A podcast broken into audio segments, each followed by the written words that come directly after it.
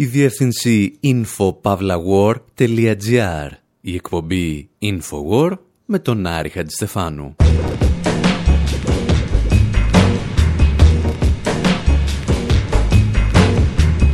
όπου σήμερα ταξιδεύουμε στην γαλαξιακή αυτοκρατορία του Ντόναλτ Τραμπ με αφορμή το νέο Star Wars. Αναρωτιόμαστε αν μπορείς να νικήσεις τον φασισμό του συστήματος με πολιτικές ταυτότητας και τι γνώμη θα είχε γι' αυτό ο Ιούλιος Κέσαρας, ο Ναπολέοντας, ο Χίτλερ ή ο Νίξον; Υποπτευόμαστε ότι οι ταινίες Star Wars είναι αρκούντος πολιτικές, αλλά με αυτή την αίσθηση πολιτικής σούπας που χαρακτηρίζει εδώ και δεκαετίες τη φιλελεύθερη Αμερική. Και ύστερα, για να σας κρατήσουμε σε κλίμα γαλαξιακό, θυμόμαστε και δυο-τρεις ακόμη ιστορίες για το Star Trek. Αναρωτιόμαστε εάν κάπου εκεί βρίσκεται ο κομμουνισμός ή έστω μια σοσιαλιστική προοπτική. Και επειδή είμαστε γκράντε, αντί να πέφτουμε από τα σύννεφα, πέφτουμε από τα άστρα. Πρώτα όμως πρέπει να τοποθετηθούν επί του θέματος η Queen. Bicycle, bicycle, bicycle. I want to ride my bicycle, bicycle, bicycle. I want to ride my bicycle. I want to ride my bike. I want to ride my bicycle. I want to ride it where I like. You say black, I say white. You say bar, I say bite. You say shark, I say him. And Jaws was never my say Royce. Say God, give me a choice. Say Lord, I say Christ.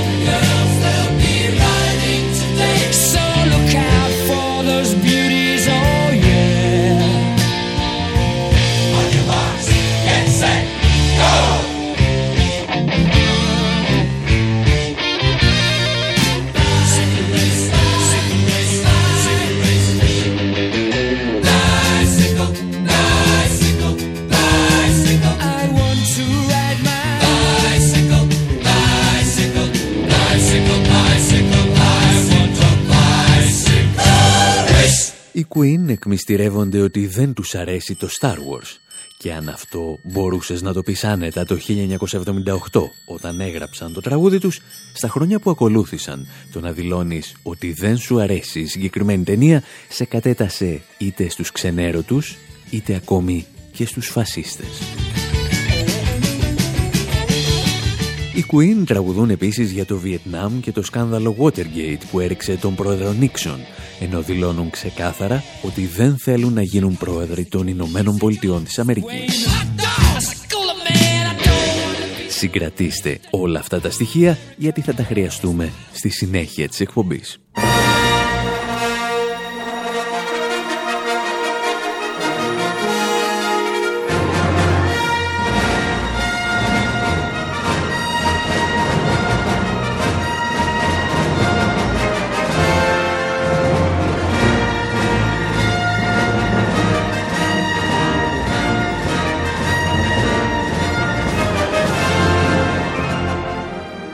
Πόλεμος των άστρων λοιπόν επιστρέφει στη μεγάλη οθόνη με ένα spin-off, μια παράλληλη ιστορία που ακούει στο όνομα Rogue One και όπως ήταν αναμενόμενο δεν πέρασε απαρατήρητη.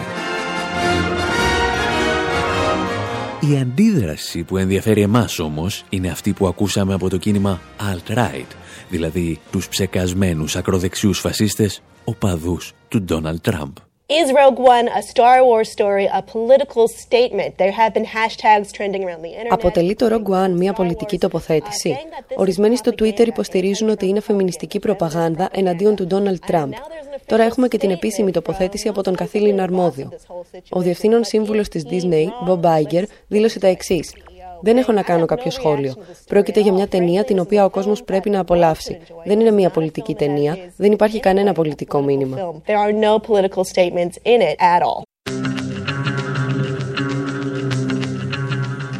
Η Disney λοιπόν ισχυρίζεται ότι δεν υπάρχει τίποτα το πολιτικό στην ταινία, ενώ η Αμερικανική ακροδεξιά όταν συνειδητοποίησε ότι η πρωταγωνιστή, μια γυναίκα, κάτι Ασιάτες, μαύρη και Ισπανόφωνη, έβαλε τις φωνές. Θα δούμε στο τέλος τι ακριβώς σηματοδοτεί αυτή η αντίδραση. Πρώτα όμως πρέπει να εξακριβώσουμε εάν υπάρχουν τελικά πολιτικά στοιχεία στις ταινίες «Πόλεμος των Άστρων». Έχοντας το ίδιο ερώτημα κατά νου, το BBC είχε καλέσει πριν από περίπου ένα χρόνο δύο πολιτικούς αναλυτές στο στούντιο και τους ζήτησε να φέρουν την ιστορία του πόλεμου των άστρων στη βρετανική πολιτική πραγματικότητα. Ο πρώτος ήταν ο Στέφεν Μπούς από το περιοδικό New Statesman, ο οποίος είπε κουβέντες σαν κι αυτές. In the first of the three, the Jedi are an elite group who στην πρώτη ταινία η Jedi είναι μια ελίτ η οποία προσπαθεί αλλά δεν καταφέρει να αποτρέψει την άνοδο της σκοτεινής δύναμης. Στην αρχική τριλογία έχεις μια διαταξική συμμαχία. Από τη μία πλευρά η ελίτ εκπροσωπείται από τους Jedi. Ο Χαν Σόλο και ο Τσιου Μπάκα είναι μεσαία στρώματα εμπόρων. Οι Ewok είναι προλετάροι που εξεγείρονται ενάντια σε μια αυτοκρατορία με φασιστικά χαρακτηριστικά.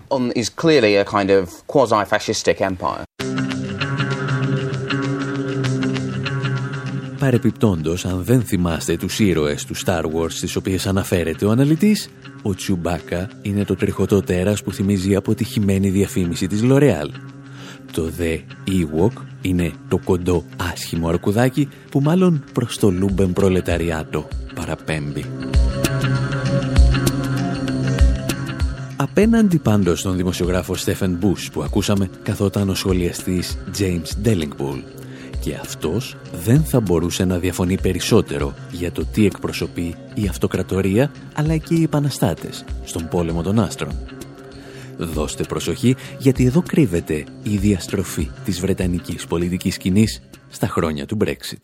Everyone wants to claim Star Wars for themselves. Mm. Everyone, everyone wants to project their own ideology on the film.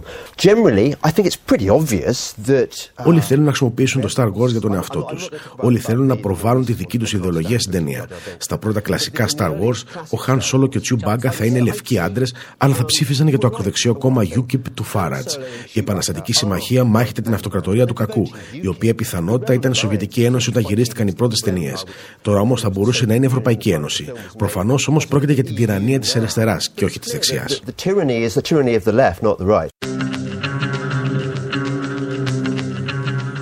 Από όσο μπορούμε να καταλάβουμε λοιπόν, ο Τέλινγκ Πολ υποστηρίζει ότι η αυτοκρατορία σήμερα ταυτίζεται με την Ευρωπαϊκή Ένωση και ανήκει στην αριστερά, ενώ οι επαναστάτες προέρχονται από την άκρα δεξιά. Αν μας ρωτήσετε ποιος ευθύνεται για αυτό το πολιτικό κομφούζιο, θα σας πούμε η πουλημένη Βρετανική αριστερά, η οποία χάρισε τον υγιή ευρωσκεπτικισμό στην άκρα δεξιά και προτίμησε να στηρίζει τους τραπεζίτες της Φραγκφούρτης. Υποπτευόμαστε όμως ότι δεν θέλατε να μας ρωτήσετε.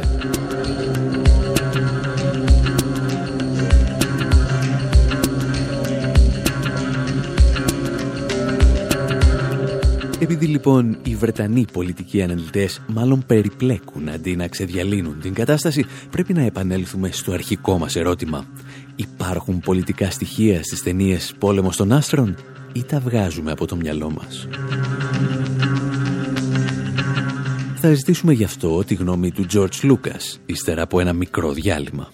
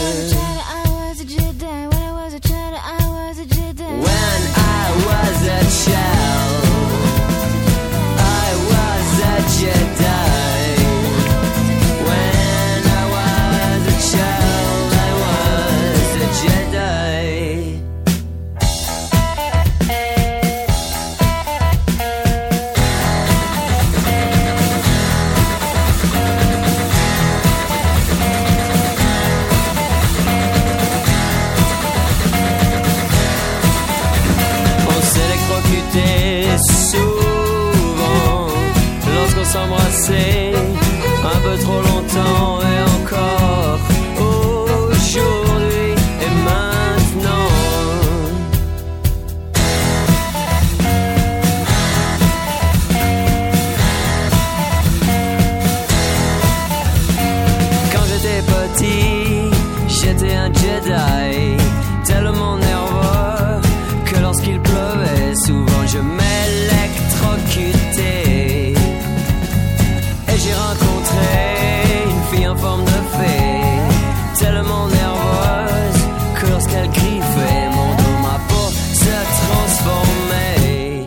pyrogravure.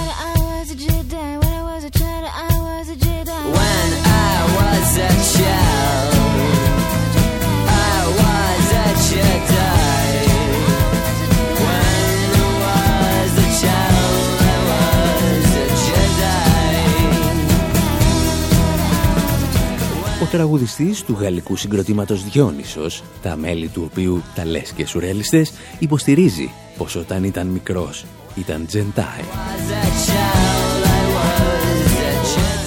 Θέλει δηλαδή να μας πει ότι ανήκε σε μια μοναστική ομάδα από πολυμαθείς κοσμοπολίτες με φωτόσπαθα, το οποίο μπορεί να μην είναι κακό, αλλά δεν το λες και καλό.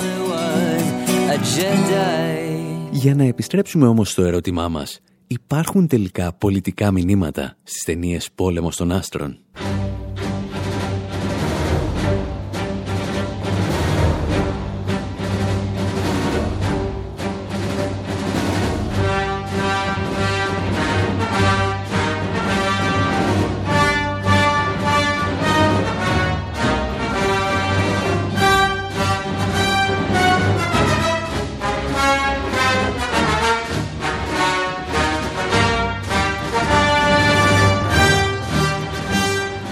Ίσως το πιο εμφανές πολιτικό στίγμα που έδωσε ο George Lucas στις ταινίες του ήταν ότι συνέκρινε πάντα το στρατό της γαλαξιακής αυτοκρατορίας με τα στρατεύματα του Χίτλερ. Οι διαβόητοι Stormtroopers δανείζονται το όνομά τους από τα παραστρατιωτικά τάγματα εφόδου του Χίτλερ, τα Sturmabteilung.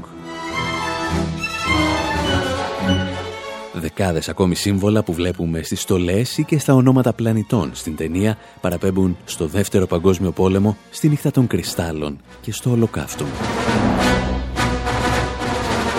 Ο Λούκας μάλιστα δεν έκρυψε ότι αντέγραψε σκηνές από το έργο της Λένι Ρίφενσταλ, η οποία σκηνοθετούσε τις μεγάλες εκδηλώσεις του Χίτλερ.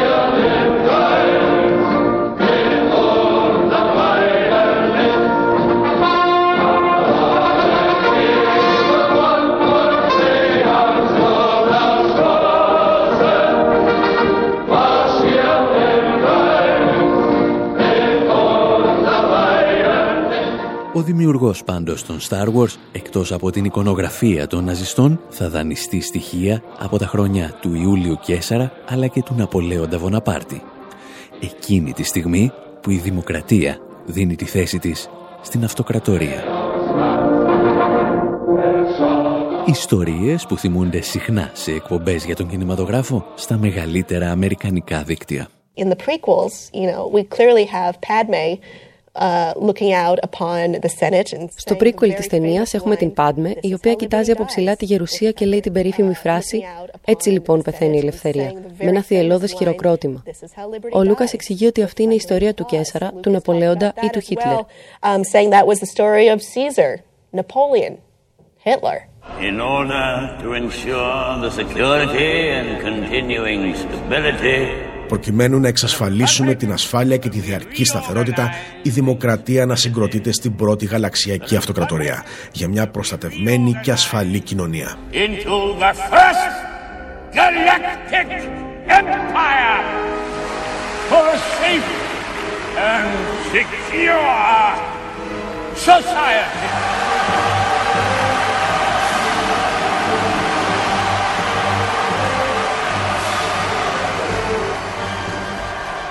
This is how liberty dies. With thunderous applause. Έτσι λοιπόν πεθαίνει η ελευθερία. Με ένα θυελώδες χειροκρότημα.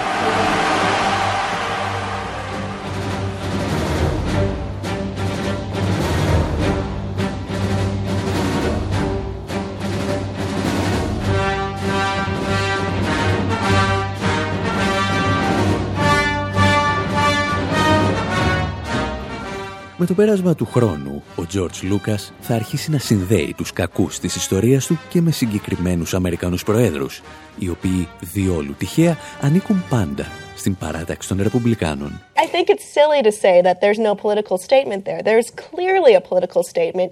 Star Wars has always been a political statement. Νομίζω είναι ανόητο να πεις ότι δεν υπάρχει πολιτική τοποθέτηση. Υπάρχει ξεκάθαρα. Το Star Wars αποτελούσε πάντοτε μια πολιτική τοποθέτηση. Ο ίδιος ο George Lucas είχε πει ότι ο αυτοκράτορας Πάλπατιν είναι πολιτικός και τον έλεγαν Richard Nixon.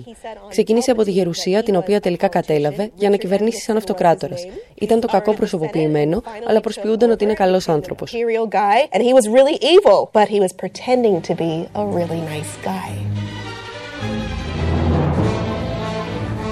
Όταν η εποχή του Νίξον θα περάσει ανεπιστρεπτή στο παρελθόν, ο εχθρός προσωποποιείται πλέον στον George Bush και ο νεαρός Darth Vader λέει κουβέντες που μοιάζουν βγαλμένες από ομιλία του πλανητάρχη μετά την 11η Σεπτεμβρίου.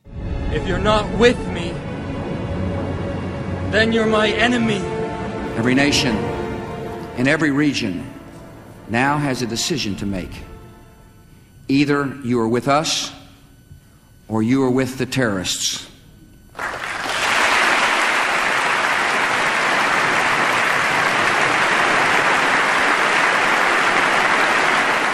Η δημιουργή λοιπόν του Star Wars ήταν πάντα ξεκάθαρη για τα χαρακτηριστικά των κακών της ιστορίας. Για την ακρίβεια, έβλεπαν πάντα έναν άνθρωπο που κατάφερνε να μετατρέψει το Republic σε Imperium, υποσχόμενος πάντα τάξη και ασφάλεια. Τα πράγματα όμως γίνονται πιο προβληματικά όταν αναζητούμε τους καλούς της υπόθεσης. Αυτά όμως θα τα συζητήσουμε σε λίγο, αφού ακούσουμε τους Beastie Boys να συζητούν για αυτή την εύθραυστη σχέση του πατέρα με το γιο, του Darth Vader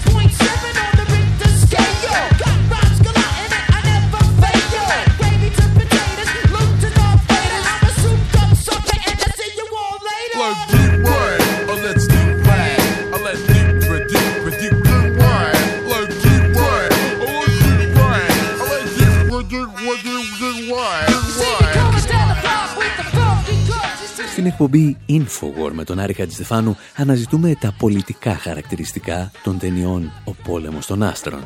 Συζητήσαμε για την εικόνα του κακού που παραπέμπει στον Κέσαρα, τον Απολέοντα, τον Χίτλερ ή τον Τζορτζ Μπούς. Και τώρα πρέπει να μιλήσουμε για τους καλούς.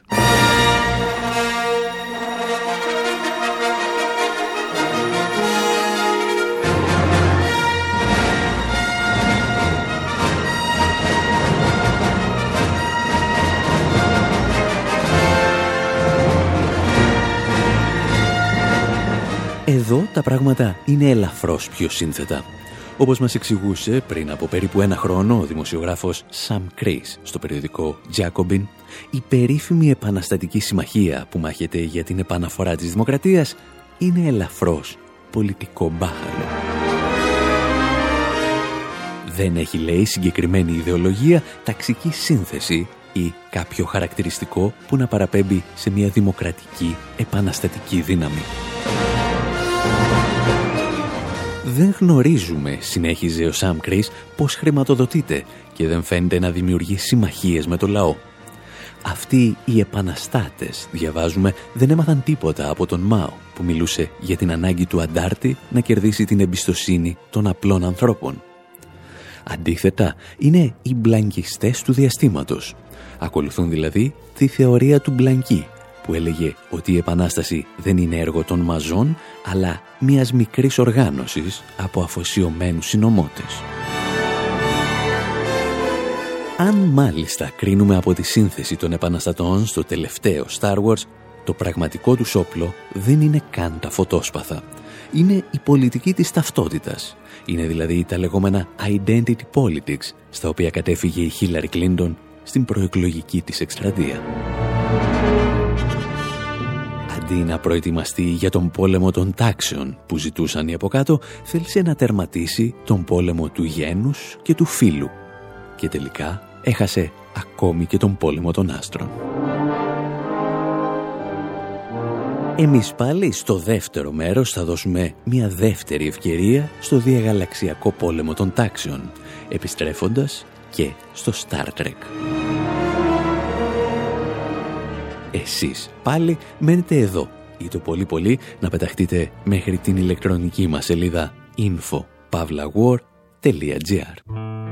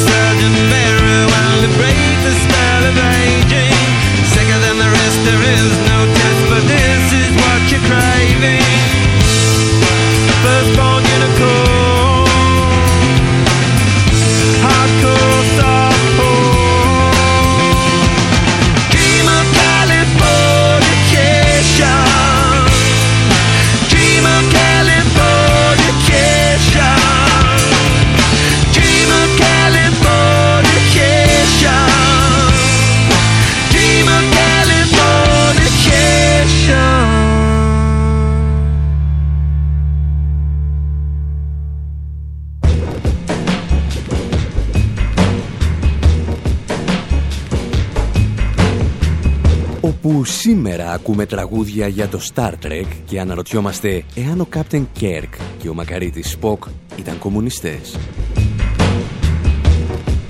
Παρακολουθούμε τον Mark Twain να αφήνει για λίγο την υπεράσπιση της Παρισινής Κομμούνας και να μπαίνει στο διαστημόπλιο Enterprise. Φανταζόμαστε μια κοινωνία χωρίς χρήματα, όπου η συσσόρευση κεφαλαίου δεν είναι πρωταρχικός στόχος της ανθρωπότητας και την βρίσκουμε σε ένα διαστημόπλιο του 24ου αιώνα.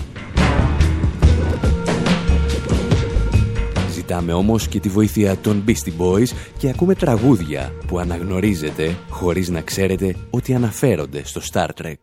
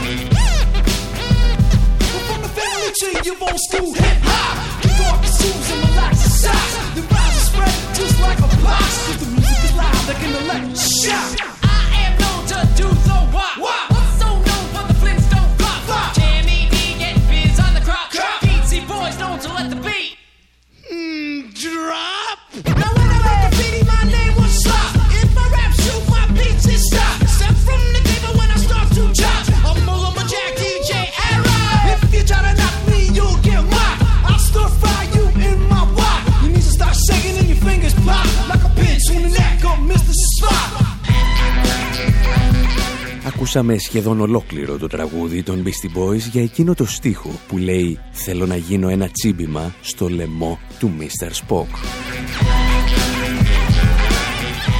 Αυτό που προς το παρόν θέλουμε όμως να συγκρατήσετε είναι ότι το Star Trek έχει αφήσει τα πολιτισμικά του ίχνη και σε γωνιές που δεν θα μπορούσαμε να φανταστούμε. Μόνο οι Beastie Boys που ακούγαμε έχουν αναφορές στο Star Trek σε πέντε τραγούδια τους, ενώ τα ονόματα Star Trek, Captain Kirk και Mr. Spock ακούγονται και σε τραγούδια των R.E.M., των Orbital, των Red Hot Chili Peppers και δεκάδων άλλων συγκροτημάτων. Τα τελευταία χρόνια μάλιστα το Star Trek τιμά αυτά τα συγκροτήματα ακούγοντας τραγούδια τους μέσα στην τηλεοπτική και κινηματογραφική σειρά, όπως λόγου χάρη το Σαμποτάζ.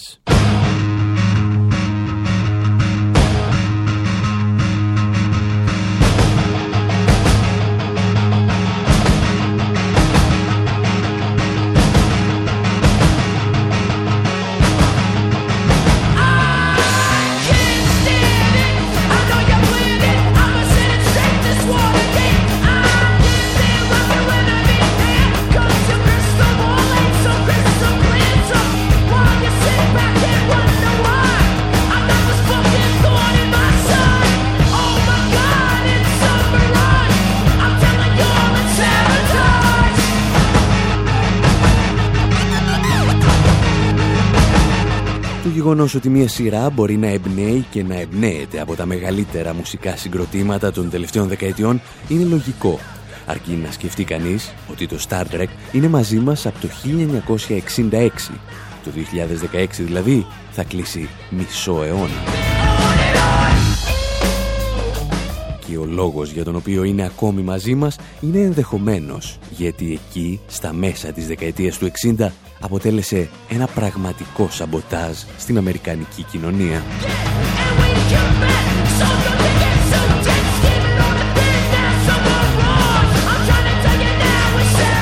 Το Star Trek θα γεννηθεί στα ταραγμένα χρόνια πριν από το Μάη του 68, αλλά μετά από το ξέσπασμα του κινήματος για τα δικαιώματα των μαύρων στις Ηνωμένες Πολιτείες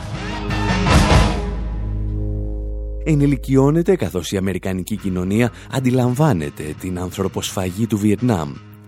Την ίδια στιγμή όμως κοιτάζει με δέος και τα αστέρια. Είναι η εποχή που η τεχνολογία των διυπηρωτικών πυράβλων στέλνει τους πρώτους ανθρώπους στο διάστημα. Είναι η εποχή που η σύγκρουση Ηνωμένων Πολιτειών και Σοβιετικής Ένωσης γίνεται ακόμη με φόντο την τεχνολογική και οικονομική ανάπτυξη. Ένα ερώτημα που θα έπρεπε να σας απασχολεί είναι ποιος θα μπορούσε να συνδέσει όλα αυτά τα στοιχεία σε μια τηλεοπτική σειρά. Και η απάντηση είναι ένας πρώην πιλότος της Αμερικανικής πολεμικής αεροπορίας που έγινε αστυνομικός και στον ελεύθερο χρόνο του έκανε μαθήματα δημιουργικής γραφής σενάριου. Αυτός ο ό,τι να είναι άνθρωπος ονομαζόταν Τζιν Ροντεμπέρι και ήταν ο γιος ενός αστυνομικού από το Τέξας αφού υπηρέτησε τη θητεία του ως πιλότος της Αμερικανικής πολεμικής αεροπορίας σκοτώνοντας ναζιστές στο Δεύτερο Παγκόσμιο Πόλεμο, πέταξε για λίγα χρόνια στην πολιτική αεροπορία και ύστερα κατετάγει στο περίφημο LAPD, τη Γενική Αστυνομική Διεύθυνση Λος Άντζελες και Περιχώρων. Το περίεργο είναι ότι αυτός ο άνθρωπος κατηγορείται ακόμη και σήμερα ότι φιλοξένησε στο Star Trek τις πιο προωθημένες κομμουνιστικές ιδέες που έχουν παρισφρήσει στο Hollywood μετά το Δεύτερο Παγκόσμιο Πόλεμο. Εσείς ακούστε ο λίγων από Ραμστάιν, τους οποίους θα χρειαστούμε στη συνέχεια της ιστορίας μας και επιστρέφουμε.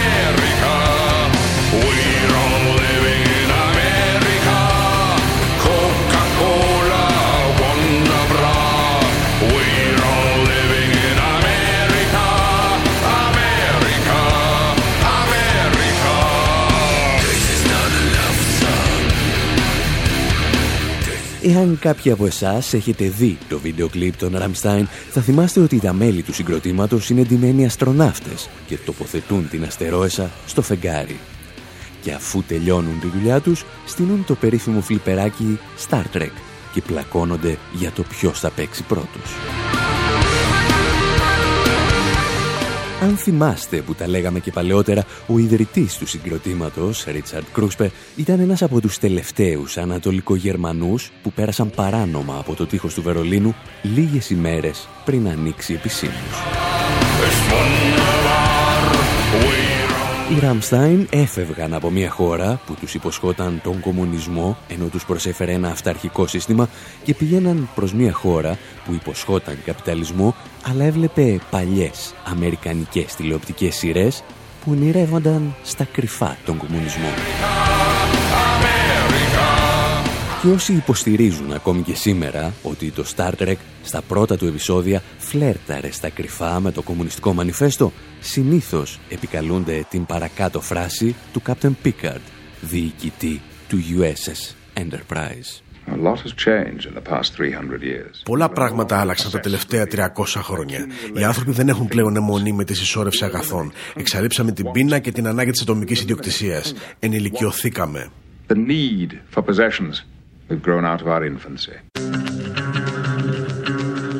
Αν πιστεύετε ότι πρόκειται απλώς για μια τυχαία φράση που του κατέβηκε στο μυαλό, περιμένετε να ακούσετε τι έλεγε για την οικονομία του 24ου αιώνα, στην οποία ζούσε και ο ίδιος. Η οικονομία του μέλλοντος είναι διαφορετική. Δεν υπάρχουν χρήματα στον 24ο αιώνα. Δεν πληρωνόμαστε. Η απόκτηση πλούτου δεν καθορίζει πλέον τις ζωές μας. Εργαζόμαστε για να βελτιώσουμε τον εαυτό μας και ολόκληρη την ανθρωπότητα. We work to better ourselves and the rest of humanity. Οι ήρωες λοιπόν του Star Trek ζουν σε μια αταξική κοινωνία, χωρίς χρήματα, όπου η αλωτριωμένη εργασία έχει δώσει τη θέση της στην εργασία ως πηγή χειραφέτησης του ανθρώπου και οι σχετικές αναφορές δεν σταματούν εδώ. Οι κακοί του Star Trek, οι περίφημοι Φερέγγι, αποτελούν τον ορισμό της καπιταλιστικής απληστίας. Με οικονομικούς όρους θα λέγαμε ότι ανήκουν στη σχολή των νεοκλασικών οικονομικών Στηρίζουν δηλαδή την ύπαρξή τους στις θεωρίες προσφοράς και ζήτησης. Κυρίως όμως θεωρούν ότι η απληστία και η ιδιοτέλεια είναι απαραίτητα στοιχεία για την αύξηση του πλούτου μιας κοινωνίας. Ή, όπως έλεγε και ο περίφημος Data στο Star Trek, οι Φερέγγοι συνοψίζουν τις χειρότερες πτυχές του καπιταλισμού.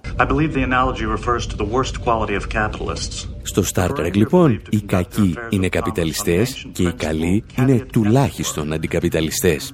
Όπως λόγου χάρη ο Mark Twain, που κάνει την εμφάνισή του σε ένα από τα επεισόδια ο μεγαλύτερος κατήγορος της καπιταλιστικής εκμετάλλευσης του 19ου αιώνα βρίσκεται σε ένα επεισόδιο στο εσωτερικό του Enterprise.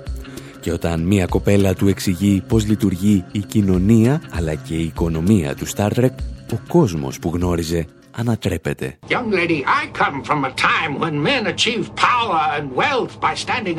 Έρχομαι από μια εποχή όπου οι άνθρωποι εξασφάλιζαν ισχύ και πλούτο πατώντας τις πλάτες των φτωχών. Οι υποκαταλήψεις και η αδιαλαξία ήταν ο κανόνας και η εξουσία αποτελούσε αυτό σκοπό. Και εσύ μου λες ότι όλα αυτά δεν ισχύουν πια. Αν είναι έτσι, ίσως και να αξίζει να κόψω το κάπνισμα. It's worth giving up cigars for, after all.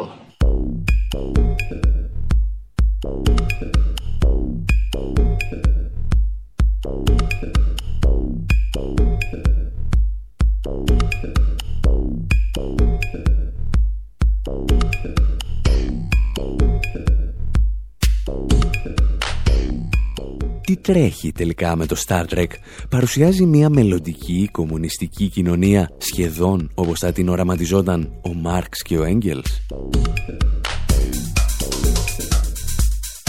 Η απάντηση είναι προφανώς όχι, ειδικά εάν έχετε δει τα τελευταία επεισόδια. Ίσως όμως πρόκειται για την πλησιέστερη απόδοση που έχουμε σε αμερικανική τηλεοπτική σειρά από την ανακάλυψη της τηλεόρασης. Το βέβαιο είναι ότι αρκετοί οικονομολόγοι έχουν χρησιμοποιήσει το Star Trek για να θεμελιώσουν ή να εκλαϊκεύσουν τις θεωρίες τους. και για να το πετύχουν συχνά το αντιπαραβάλλουν με το Star Wars.